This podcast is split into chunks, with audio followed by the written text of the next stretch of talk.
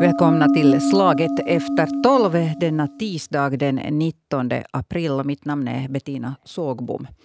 Ja, påskhelgen i Sverige den präglades av våldsamma upplopp i flera städer. Tiotals poliser skadades och bilar och bussar stacks i brand. Och det här då folk protesterade ursprungligen mot en dansk-svensk politiker som brände Koranen på olika ställen i landet. Eh, det här så, vi ska diskutera det här med yttrandefrihet idag och också den här situationen som Sverige nu befinner sig i med, med sådana här bråkiga och besvärliga alltså områden.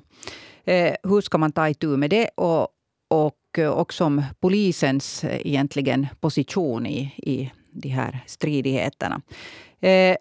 Ledarskribenten Paulina Neuding är med mig från Stockholm. Välkommen. Tack så mycket.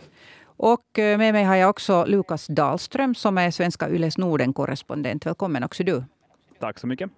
Och här i studion med mig så har jag sällskap av Jan-Erik Andelin som är ledarskribent för Kyrkpressen. Välkommen. Tack, tack.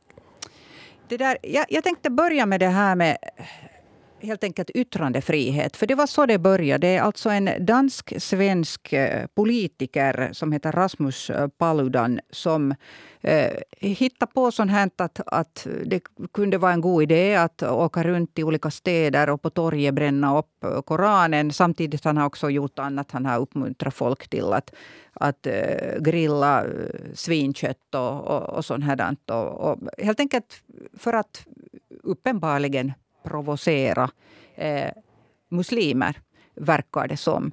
Det där, eh, jag tänkte börja med dig, Jan-Erik Andelin, här i studion. Eh, yttrandefrihet, är det här det som det är? Eller hur, hur ser du på det här? Nu är det yttrandefrihet. Nu är det, ju, det, det, det, det jag tycker det handlar om att, att uh, vi har ju håll, hållit samhället ganska öppet för att, för att kritisera religionen. Nu vet jag inte om det är liksom religionen. Nu är det ju så här att Koranen har ju i det här sammanhanget nu bara blivit ett, ett slags symbol som det är ju inte ivriga koranläsare som är ute och kastar sten på polisbilen, skulle jag, skulle, polisbilarna i Sverige skulle jag tro. Utan, utan det där. Men vi har ju haft den här motsvarande grejen kanske sen Mohammed-karikatyrerna. I Danmark. I Danmark. Lars Vilks. Mm. Lars Vilks, ja, för 17 år sedan. Och, och då tyckte vi ju att det var ett, ett ganska fräscht grepp att, att liksom kritisera och lindrigt håna den muslimska befolkningen för sin primitiva läggning eller vad man nu ville liksom ge uttryck för där. Och nu har vi då någon som gör det med, med, med, lite andra förtecken och den intressanta diskussionen att vad är liksom skillnaden om en liberal Jyllandsposten, en tidning, ansedd tidning gör det eller om en, en liksom extrem marginell politiker gör det. Mm. I princip handlar det väl i grunden om samma rättighet att få säga och göra vad man tycker. Eh, vad säger du, Paulina Neuding? Jo, vi har ju inget blasfemiförbud i Sverige. Eh, men det man kan konstatera efter särskilt efter fatwan mot Salman Rushdie och Muhammed-karikatyrerna eh, det är ju att det finns ett de facto förbud mot blasfemi som, som innebär att den som begår en handling som uppfattas som blasfemisk kommer att Eh, Eh, eller riskerar att eh, få sitt liv fördärvat på olika sätt. Lars Vilks liv blev aldrig normalt efter hans Mohammed-teckning. Så att oavsett hur vi ser på det så måste vi ändå vara beredda att erkänna att det finns det, den det, eh, juridiska sidan, det finns inget blasfemiförbud och sen så fick, finns det den här de facto verkligheten på marken. Eh, särskilt då i Sveriges utsatta områden. Där, där är Eh, religionsfriheten, eh, blasfemiförbudet starkt begränsat delvis. Och det är det som är så allvarligt, att, eh, att vi har fått den här parallella ordningen. Mm. Du eh, vänder till Lukas Dahlström som var under det här oroliga påskveckoslutet har bevakat de här händelserna i, i Sverige. Vad säger folk där? Vad, vad sa de till dig att de tänker om det här med att utnyttja yttrandefriheten på det här sättet? Det man hör ju mycket är att det är fel att man bränner Koranen och att eh, eh, hit och dit, men att det, det, man, det man kan säga är ju att han har ju lov till de här, vissa av de här demonstrationerna eller manifestationerna som han då, Rasmus Paludan, utförde. Eh, polisen kan ju säga nej till en allmän sammankomst om det finns risk för att ordning och säkerhet inte kommer att kunna upprätthållas. Och polisen kan också flytta på demonstrationer till en annan tid eller plats, vilket de också har gjort under helgen. Ehm, men i juridiskt så, eh, är, så trumfar yttrandefriheten risken för att folk blir upprörda, som eh, en professor i DN sa här tidigare. Men mycket upp, alltså, såklart, folk är jätteupprörda också över att den här personen då åkte till eh, de här utsatta områdena. Han har ju själv sagt att han reser runt för att skapa konflikt. Och det fick han ju. Sen förstås, det här var ju en gnista som, fick, som ledde till upplopp och det är ju en helt annan sak och det är ju en, Eh, eh, ett tecken på att det finns stora problem i det svenska samhället. Men Rasmus Paludan är åtminstone en vinnare den här, den här ehm, eh, påskhelgen kan man ju säga. No, det kan man säga och det är det som jag här tänker att det är ju otroligt dumt att låta honom få exakt som han vill. Att, att hade det inte varit bättre att totalt nonchalera, ignorera det som han gör? Varför är, varför är det så svårt? Eh, Jan-Erik Annelin? No, jag tänker väl att yttrandefriheten liksom är, är ganska absolut. Och, och, och, så här. Jag menar, det, det, det är ju klart ja, men Man behöver ju inte reagera på det att någon typ står på ett torg och bränner Koranen. Inte, inte behöver man ju välja. Nej, men då skulle inte Rasmus Paludan ha kommit. Jag tänker att det handlar ganska mycket om jag, tycker, jag tänker att det handlar ganska mycket om att, att, man, att liksom islam behandlas och muslimer överlag behandlas liksom väldigt, väldigt generellt i, i, i hela Norden och, och, kanske också i Sverige, även om man skulle ha liksom möjlighet i Sverige att, att kanske lite sätta sig in i de mekanismer som finns i, i, i den muslimska kulturen. Det finns väl en 800 000 eh, muslimer i Sverige och för att deras, eh, deras liksom, eh, det som är en central del av deras kultur liksom behandlas väldigt, väldigt ytligt och väldigt allmänt så tror jag att man reagerar. Det är ju som vi finlandssvenskar, att någon, någon kommer att säga någon historisk dumhet om oss, att vi är liksom svenskar som har blivit kvar här eller något sånt, så reagerar vi ju också. Och, och, och, det är väl lite det här som man petar på. Jag, jag tycker det hör kanske också samman med att en sån här viss eh, läskunskap eller en viss kunnighet om, om om vad, vad liksom den islamska kommuniteten, det islamska samfundet i Sverige står för, så, så bäddar ju också för, för det här att så många reagerar på det här att, att man talar liksom eh, över våra huvuden, man talar illa om oss och över våra huvuden. Och det är väl därför som det liksom leder till det här. Sen finns det ju liksom en, så vitt jag kan bedöma och som många andra säger, liksom en stor koppling till att, att en, kriminell, en helt kriminell kultur liksom har fiska upp det här. Och, och sägs ju också att det här är ett krig mot staten och mot polisen och inte så mycket ens mot den här provokatören, advokaten Rasmus Paludan som nu har av någon orsak. Varför gör han kampanj i Sverige? Det är ju liksom en gåta. Men sen har ju också norska, norska politiker har ju också varit i Rinkeby från högerradikala Fremskrittspartiet. Så den här Sylvi Listhaug heter hon visst.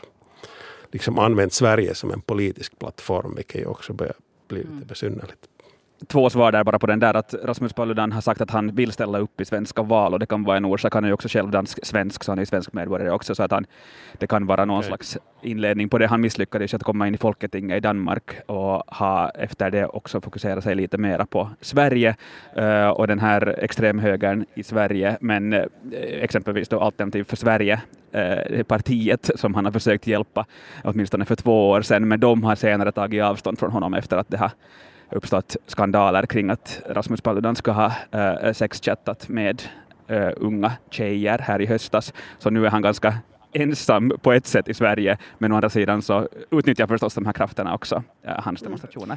Jag, jag, tror att det är viktigt att se också att Rasmus Paludan som person är ganska han är inte så intressant här egentligen utan han, han är gnistan i det här sammanhanget. Men krutdurken den fanns där innan och den kommer finnas när han åker hem också. Mm. Eh, och, och det är det som det är det som är så allvarligt i den här situationen att svenska förorter, stadsdelar, det finns en parallell normstruktur, det finns eh, rigida, numera kriminella strukturer. Det finns ett hat mot det svenska samhället som yttrar sig inte bara i våld mot polisen utan våld mot ambulanspersonal och brandkår. Eh, och och, och liksom, när han åker hem så finns allt det här kvar. Och det kan vara någonting annat som får gnistan och, och eh, någon annan gnista nästa gång som får det här att explodera. Eh, till exempel nu har det under lång tid varit stora protester bland, bland svenska muslimer och ryktesspridning och desinformation som går ut på att svenska staten skulle ta muslimska barn. Och det här grundar sig i ett antal beslut från socialtjänster runt om i landet där man har omhändertagit barn i familjer där de har farit illa. Men då frågar jag Paulina... Där, ja. Förlåt. Får jag bara avsluta? Och, och, då har man liksom vänt det här till, till, en fråga om att Sverige stjäl muslimska barn. Och det här har blivit en enorm eh, grej både i Sverige och utomlands, enorma kampanjer. Eh, det är också en gnista som kommer till synes från ingenstans. Plötsligt händer någonting som får den här, återigen den här krutdurken att explodera. Så att det kan vara lite vad som helst, det kan komma från sidan. Vi, vi behöver inte vara beredda nästa gång det händer någonting utan det, det, det kan vara lite vad som helst. Det behöver inte vara en Rasmus Paludan till exempel. Mm. Men då frågar jag dig Paulina, liksom så här som utlänning och som före detta Stockholms korrespondent för ett medium i Finland. Vad är din analys av att det har blivit en sån här krutdurk? Oh, det är många år av eh, en migrationspolitik som vi inte har kunnat hantera. Eh, det är alltså, Sverige har Sen 2000 då vi hade en utrikesfödd befolkning på 11 procent på 20 år så har vi fått en utrikesfödd befolkning på 20 procent. Det har gått väldigt, väldigt fort. Vi har inte haft en fungerande integration. Vi har trott att vår humanism och vår generositet, nu säger vi, jag, jag har varit en kritiker av det här, men man har trott att bara vår humanism och generositet kommer innebära att allt det här blir bra. Istället så ser man plötsligt hur det vänds en enorm ilska mot det svenska samhället i de här förorterna och stadsdelarna. Men, men vad, tänker du att vi, vad tänker du att Sverige borde göra nu då i det här läget? Precis. Alltså, så här. Problemen är så pass stora så att jag, jag har ingen trollstav som jag kan vifta med och sen så har vi en lösning och så har vi löst problemen. Eh, det är en del av problemet att man har trott att Eh, man kan införa program och reformer och, så vidare som kommer att lösa situationen. Vi kommer inte att lösa den här situationen. Vi kommer förmodligen inte göra det på generationer. Eh, det, är också en del av det här att vi måste inse att vi sitter nu i en situation som vi inte kommer att lösa. Sen så finns det saker som vi kan göra för att mildra de här motsättningarna. Det har att göra med skolan, med en annan typ av polisarbete, en annan typ av rättspolitik och så vidare. Men, men det första vi måste inse är att det finns ingen trollstav. Det finns ingenting som vi kan liksom vifta över de här orterna och så, så kommer det bli bra och så kommer vi liksom ha inclusion och, och, och liksom alla kommer samexistera på ett bra sätt. Eh, det är alldeles för, eh, problemen är alldeles för svåra för det. Idag. Men där, där tycker jag kanske jag vet att ni inte tycker om i Sverige att Finland ställer kritiska frågor eller ger goda råd eftersom tvärtom, vår, tvärtom för att det, vi, får, vi får bra, vi har, vi har så, så, så, små volymer här att vi, vi säkert skulle stå inför liknande problem. Men, men jag tänker att det finns en sån blind fläck. Eh, det, det är kanske min, på det här området min, vad, jag, vad, vad jag tog med mig efter min tid, korta tid som korrespondent i Sverige så är ju att det finns en slags sån här liksom blindhet för den här verklig, den segregation som, som, som mm. på något vis finns. Och att man är, man är också liksom på något sätt tillfreds med att de här förorterna är liksom definierade och att de är listade i här, det här som ni kallar utsatta förorter. Där, där man liksom gör en sån lista på 50-60 orter. Där till och med medan jag var i Stockholm så, så sa man då att sa flera sociologer och polisen sa själva att men kan vi sluta med den här listan för det gör ju liksom bara den här spiralen värre. Att, att bostadspriserna går ner i de här områdena och, och det liksom blir, blir ingen blir ingen liksom förbättring av det här. Ibland så var det, var det förorter som inte längre var på den här listan men det var också väldigt mm. sällan i svenska medier som man sa att men vad gjorde man liksom för, att, för att den här orten inte, inte längre ska finnas på den här listan.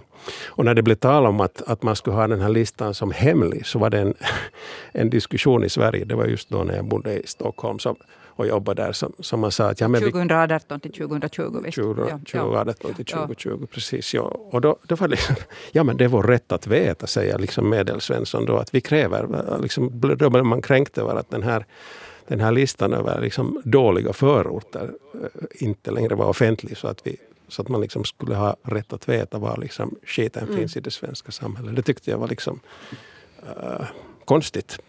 Mm. Ja, alltså det är inte så att Sverige har haft för mycket av öppen dialog och eh, för lite av slutenhet och hysch-hysch.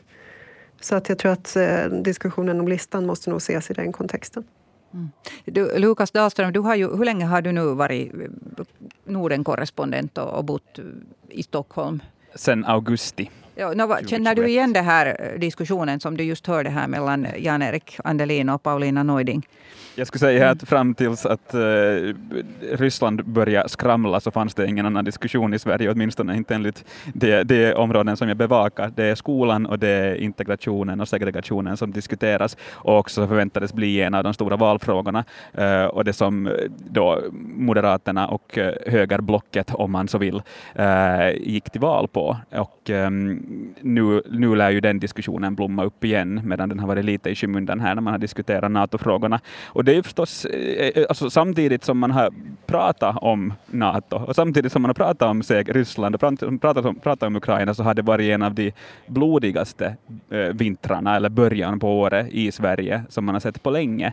Det, har varit, det brukar vara lugna månader, ofta januari, februari och mars när det kommer till de här kriminella gängerna. Men i år så har vi sett ganska många dödsskjutningar och skjutningar i de här områdena och där är ju experter oroliga som har forskat i de här frågorna länge, att hur kommer då resten av året att se ut? Och det här kommer ju helt säkert att prägla valrörelsen. Där ska, ska jag ändå säga, som, ut, som en utomstående betraktare, som är, så ty, tycker jag att de flesta partier ändå verkar uh, stå för uh, strängare straff, mer lagordning, mer poliser uh, i de här områdena, men att ingen kanske har kommit med den där... Det, det finns, som, som Paulina säger, så finns det ju ingen enkel lösning på problemet problemet heller. Alltså, problemet har blivit helt enkelt för stort och för svårt för att lösa på ett enkelt ja. sätt. Men samtidigt så är det ju svårt med den här, den här uppgivenheten och där finns mm. det ju mm. jättemånga fina initiativ. Jag har själv besökt olika initiativ runt om i Sverige där folk försöker, försöker lösa den här situationen i de här utsatta områdena. Och det är ju också en morot att vara ett utsatt område på ett sätt, för då kan man arbeta sig ur den stämpeln.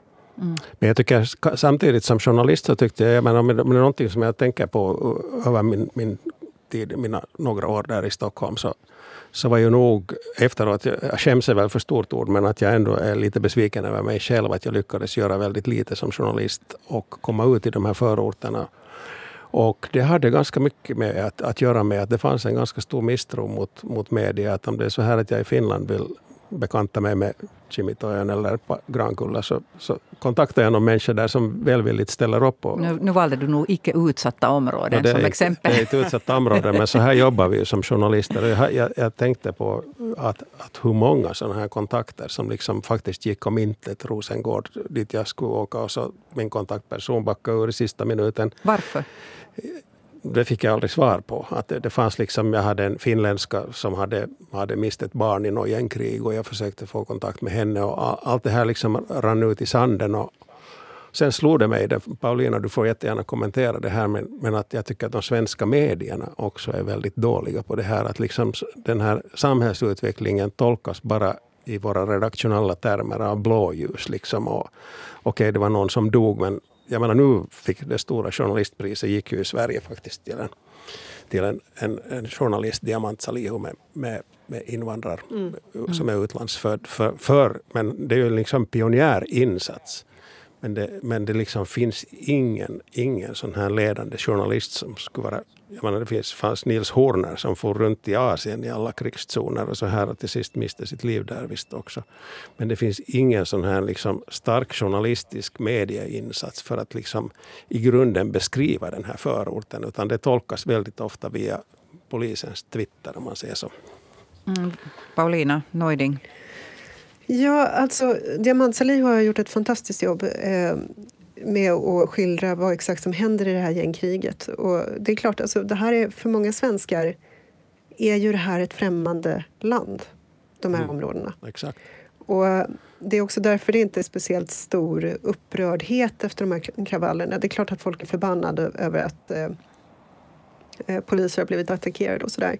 Men, men det är inte ett, så här, kanske nödvändigtvis ett spontant ämne vid fikaborden som man pratar om. Därför att människor, eh, vanlig svensk medelklass, bor i andra områden. Om de här eh, upploppen skulle flytta ut från, från de här eh, utsatta områdena, då skulle det bli en stark reaktion bland svenskar. Men jag tror att väldigt många har redan lärt sig att diskontera det här. Det här är, liksom, det är ett annat land. Det är, inte, det är inte Sverige. Och, det, och lustigt nog så gång på gång när journalister åker ut till de här områdena. Journalister blir väldigt ofta attackerade, ska man ha klart för sig, när de åker ut till de här områdena. Och det är, eh, det är slående ofta som det är så. Man dyker upp och omedelbart så råkar man ut för en attack. Det har hänt gång på gång på gång. Alltså nu var SVTs eh, flaggskeppsprogram Uppdrag granskning i, i Borlänge i Dalarna, i en invandrartät, eh, invandrartätt område. Och direkt samma kväll så blir de eh, attackerade med stenkastning. Och, och, det som är intressant är att väldigt ofta i sådana lägen, liksom, kameran rullar, man har blivit attackerad, så, så, så får man höra det här är inte Sverige, det här är vårt område.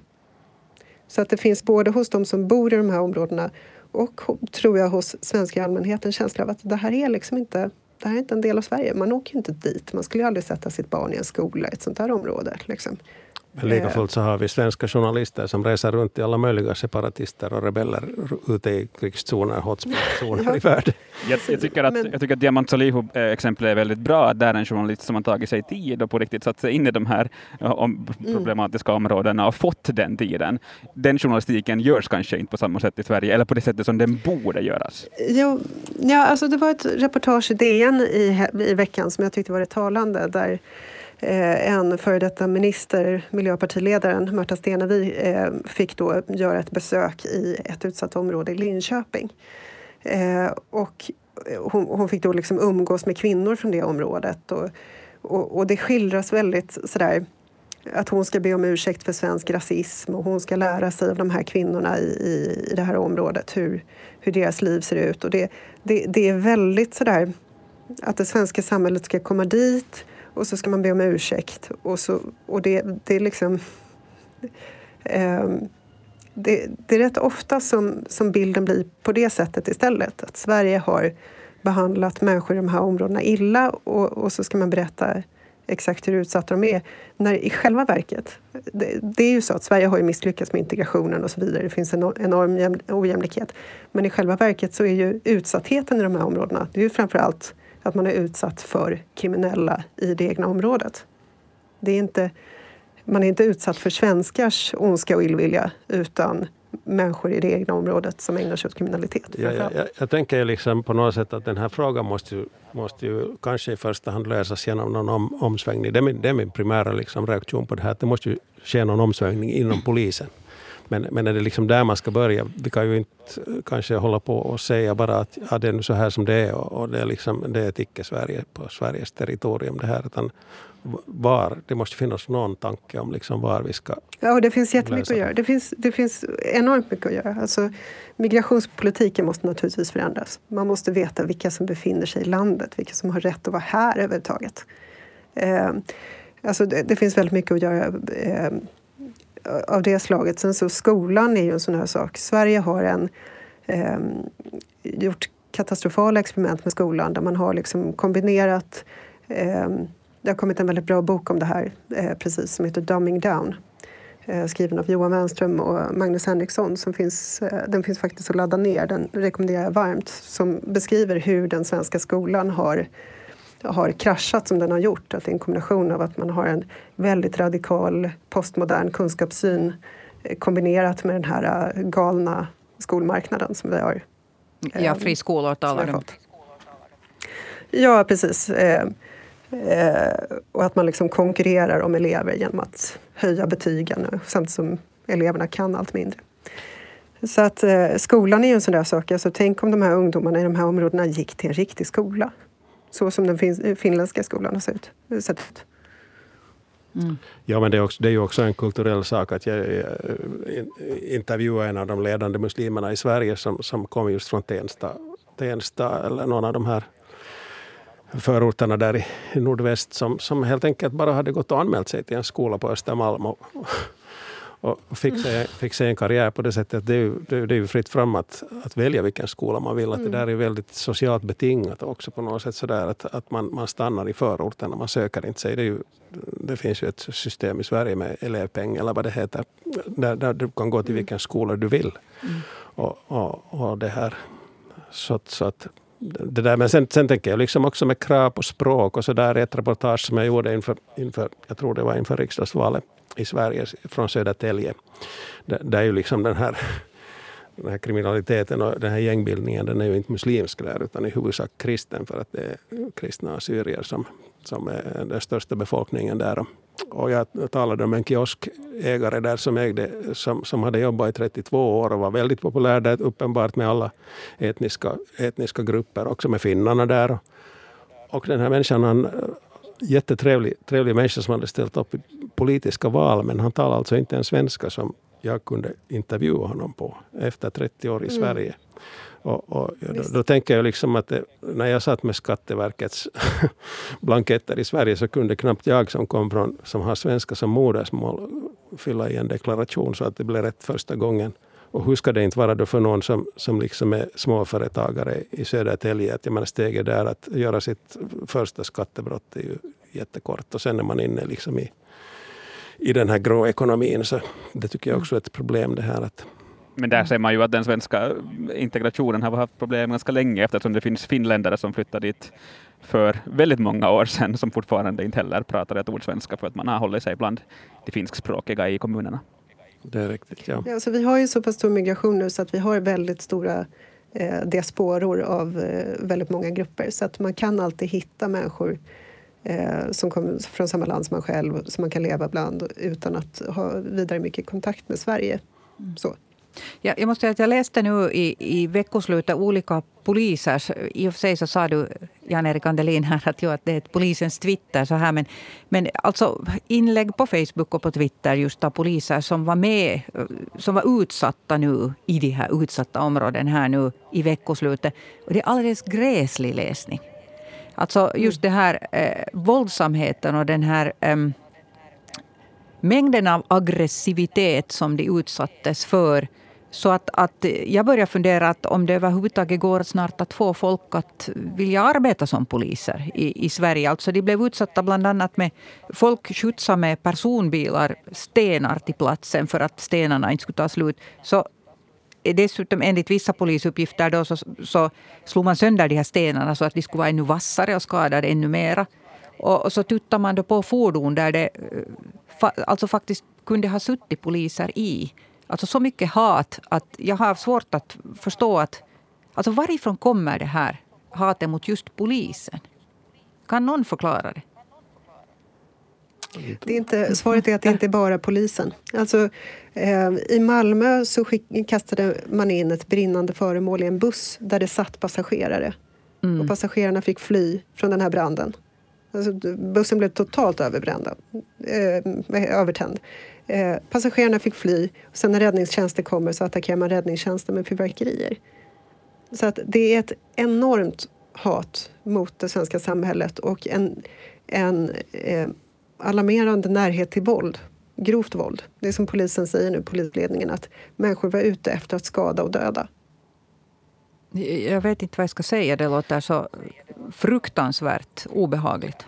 Men, men det här har vi sett under flera mm. år. Så att, eh, det, det, är viktigt att förstå också att det handlar inte om att eh, man, man, kan liksom få föreställningar om så här, att polisen är aggressiv och, och, då ger man tillbaka med samma mynt. Men vi har under flera års tid sett de här attackerna på, på ambulanspersonal, på brandkår. Eh, jag skrev en artikel för, tror jag, åtta, sju, åtta år sedan om ambulanser som blir attackerade. Det, det är fullständigt gräsligt.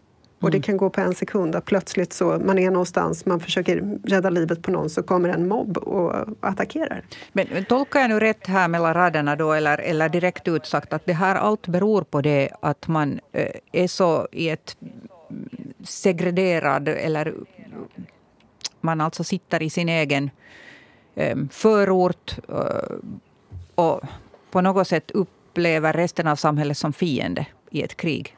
Eller? Jag tycker att man, här måste komma ihåg att det här, polisen säger ju att det finns mm. kopplingar till de kriminella gängen. Det här är kriminella, det är absolut ja. inte så att alla i förorten går ut och kastar sten när det är upplopp, utan det handlar ju om, vad säger man, 200 människor ungefär. Men 200 är ganska många i en, i en sån där situation där det finns kanske mm. säg 30 poliser allt som allt som ja. har varit våldsamma, absolut. Ja. Men, men eh, det finns ju också många som arbetar emot det här. Det låter också lite på Paulina som att man inte skulle våga åka till de här förorterna. Det är ju inte så att man, man kan ju bra åka nej, till nej, det, ut, det, förorterna. Mm. Det är inte liksom, det är inte farligt hela tiden. Invända här. Mm. Jag, skulle in, jag har inte sagt att man inte kan åka till de här förorterna men det kan lätt uppstå farliga situationer till exempel. Om en jude går in med judiska symboler i Rosengård, då kan man räkna med att bli attackerad. Till exempel. Gäller det, det dig alltså, också? Det, vad sa du? Gäller det dig också? Nej, men alltså, det, det som man måste förstå med de här förorterna det är inte att de är no-go för alla hela tiden. Mm. Men det finns områden som till exempel ambulans inte åker till utan poliseskort. Och det finns områden som ja, journalister ska inte åka dit om de inte har säkerhet med sig. Mm. Så att det, och det varierar. Det kan variera med tid på dygnet, det kan variera med vem du är och så vidare. Men det är fortfarande så att det sker väldigt mycket attacker. Och det är inte detsamma som att säga att alla angriper människor. För det är såklart en minoritet. Men den minoriteten är så pass stor nu så att det, det kan man liksom inte vifta bort.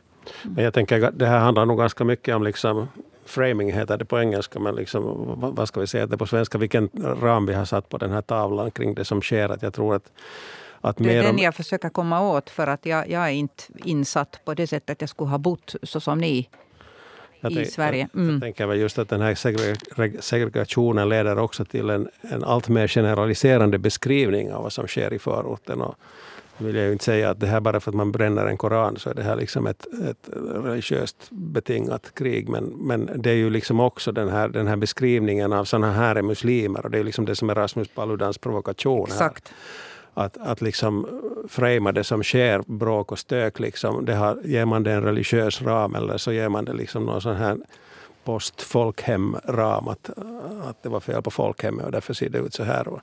Och det är, det är kanske den här, den här beskrivningen som man liksom borde komma åt. Jag som själv jobbar liksom med, med kyrka och religioner så tycker jag liksom att, att, att den är förfärligt ytlig beskrivningen av, av islam i Sverige och sårande liksom för väldigt många eftersom det lite, lite som Lukas sa där också att, att, att det är liksom en stor mängd muslimer i Sverige som har gått en jättelång väg och som är liksom välintegrerade, som har valt bort liksom många av sina, sin, sitt kulturella arv, valt bort en del av liksom sitt, någon slags liksom mera fundamentalistiskt arv. Och där tror jag att Sverige liksom slarvar med att inte, med att inte beskriva 800 000 människors liksom tankevärld på ett, på ett rättvist sätt. Där jag nu till exempel tänker på det här att, att vi liksom drar alla över en kam medan liksom islamforskare som jag talade med under min tid i Sverige sa att, att en av de största aktörerna i att få bort kriminella ungdomar i förorten. Så det, det är de konservativa moskéerna.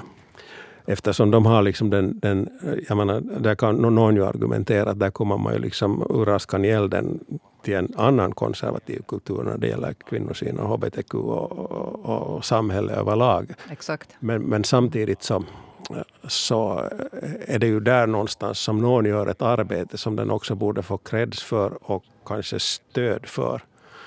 Det är någon som sa att i, i, i Stockholm så, så finns den våldsbejakande Eh, moderna eh, islam finns längs den röda tunnelbanelinjen åt sydväst och, och den icke våldsbejakande finns åt den blå, längs den blåa linjen åt nordväst. Och det finns liksom människor som, som liksom arbetar inom det här, det här religiösa eh, samfundet som kanske på något sätt skulle behöva uppmärksammas. Och, och det finns liksom moderata muslimer. Det finns människor som är helt försvenskade, om man vill använda det uttrycket, eller liksom människor som ur vårt, vår synvinkel liksom utövar sin religion så att det liksom inte bör störa någon överhuvudtaget. Jag hör gärna Paulina Neudings tankar ja. om det här som alltså, Jan-Erik eh, Andelin just sa. Mm. Visst, visst är det så att de allra flesta, återigen, är fredliga och så vidare. Det, det är inte så konstigt att det är just eh, människor som är kriminella som står i fokus när vi har haft den här typen av upplopp. Men för lov sagt så är det ganska naturligt att det, det är det man fokuserar på. Eh, det betyder inte att man beskyller hela gruppen. Det har ingen gjort under det här samtalet i alla fall och jag ser väldigt, väldigt lite av det i den svenska debatten. Eh, och till exempel de här upploppen i Rinkeby 2017, där var det bland annat en imam som var ute och försökte få de här ungdomarna att lugna ner sig. Naturligtvis är det så. Men, men sen så säger också erfarenheten, bland annat från Frankrike, att, att när man får en väldigt stökig situation, när människor börjar söka sig till en väldigt eh, auktoritär, traditionell religionstolkning. Det kan vara så att lugnet sänker sig över helt område. Eh, men det, behöver inte det är inte nödvändigtvis någonting positivt. Återigen så skulle jag, jag menar som sagt så ska vi kanske inte i Finland sitta på höga hästar men att jag tycker väl samtidigt att vi har ju inte i Finland haft någon sån här radikal imam som har stigit fram. Vi, vi, vi, det finns ju liksom nätverk via vilka finländare har åkt ner till och deltagit i IS och så vidare. Men Vilka många har varit kvinnor. Det, dessutom mm. det, och, och, det där. Och, men men jag, jag, tror ju någonstans att det finns liksom en sån social grogrund för, för de här liksom radikala islamska ledarna. Och, jag menar, det finländska, eh, det finländska islamska samfundet ska väl bestå av det är svårt att ta någon statistik på det, men det är väl under 100 000 muslimer i Finland. Och, och det där, där finns ju, vi har ju ingen, ingen sån här, i den meningen, någon sån här radikal muslimsk predikant eller ledare som skulle ha tagit en sån plats. Och det kanske har att göra med att, att den här sociala grogrunden för radikalism alltså inte finns i Finland. Det kan bero på att, att de är så få muslimerna här eller att vi har skött någonting bra. Mm. Det där var den hur ska vi säga, positiva tolkningen av det. Att det, det finns ju nog, här säger skyddspolisen också, att det nog finns men, men faktiskt i betydligt mindre graden. Och det finns just på, på nätet allt möjligt intressant som det ju gör nu för tiden. Tyvärr håller vår tid på nu att rinna ut här i sanden. Och vi kom ganska långt från Rasmus Paludan och det var det jag gissade också. Att det skulle, så är det alltså. Det handlar inte om en enstaka eh, koranbrännare. Han visste precis vad han gjorde. Han ville få till eh, utlopp och raseri och det lyckades han med. Och personligen skulle jag kanske önska att han inte skulle lyckas med det. Att folk helt enkelt skulle låta bli att reagera på det här. Men det är väl kanske för mycket att hoppas på. Eller? Ja, no, eftersom han är en skicklig provokatör så då gör han väl i så fall något annat. Mm, mm. Eh, jag tackar er allihopa nu för att ni deltog i den här diskussionen. Tiden tar som sagt slut här. Eh, Paulina Neuding eh, ledarskribent, journalist. Eh, bland annat skriver du för Svenska Dagbladet för de som är intresserade att, att läsa eh, dina alster.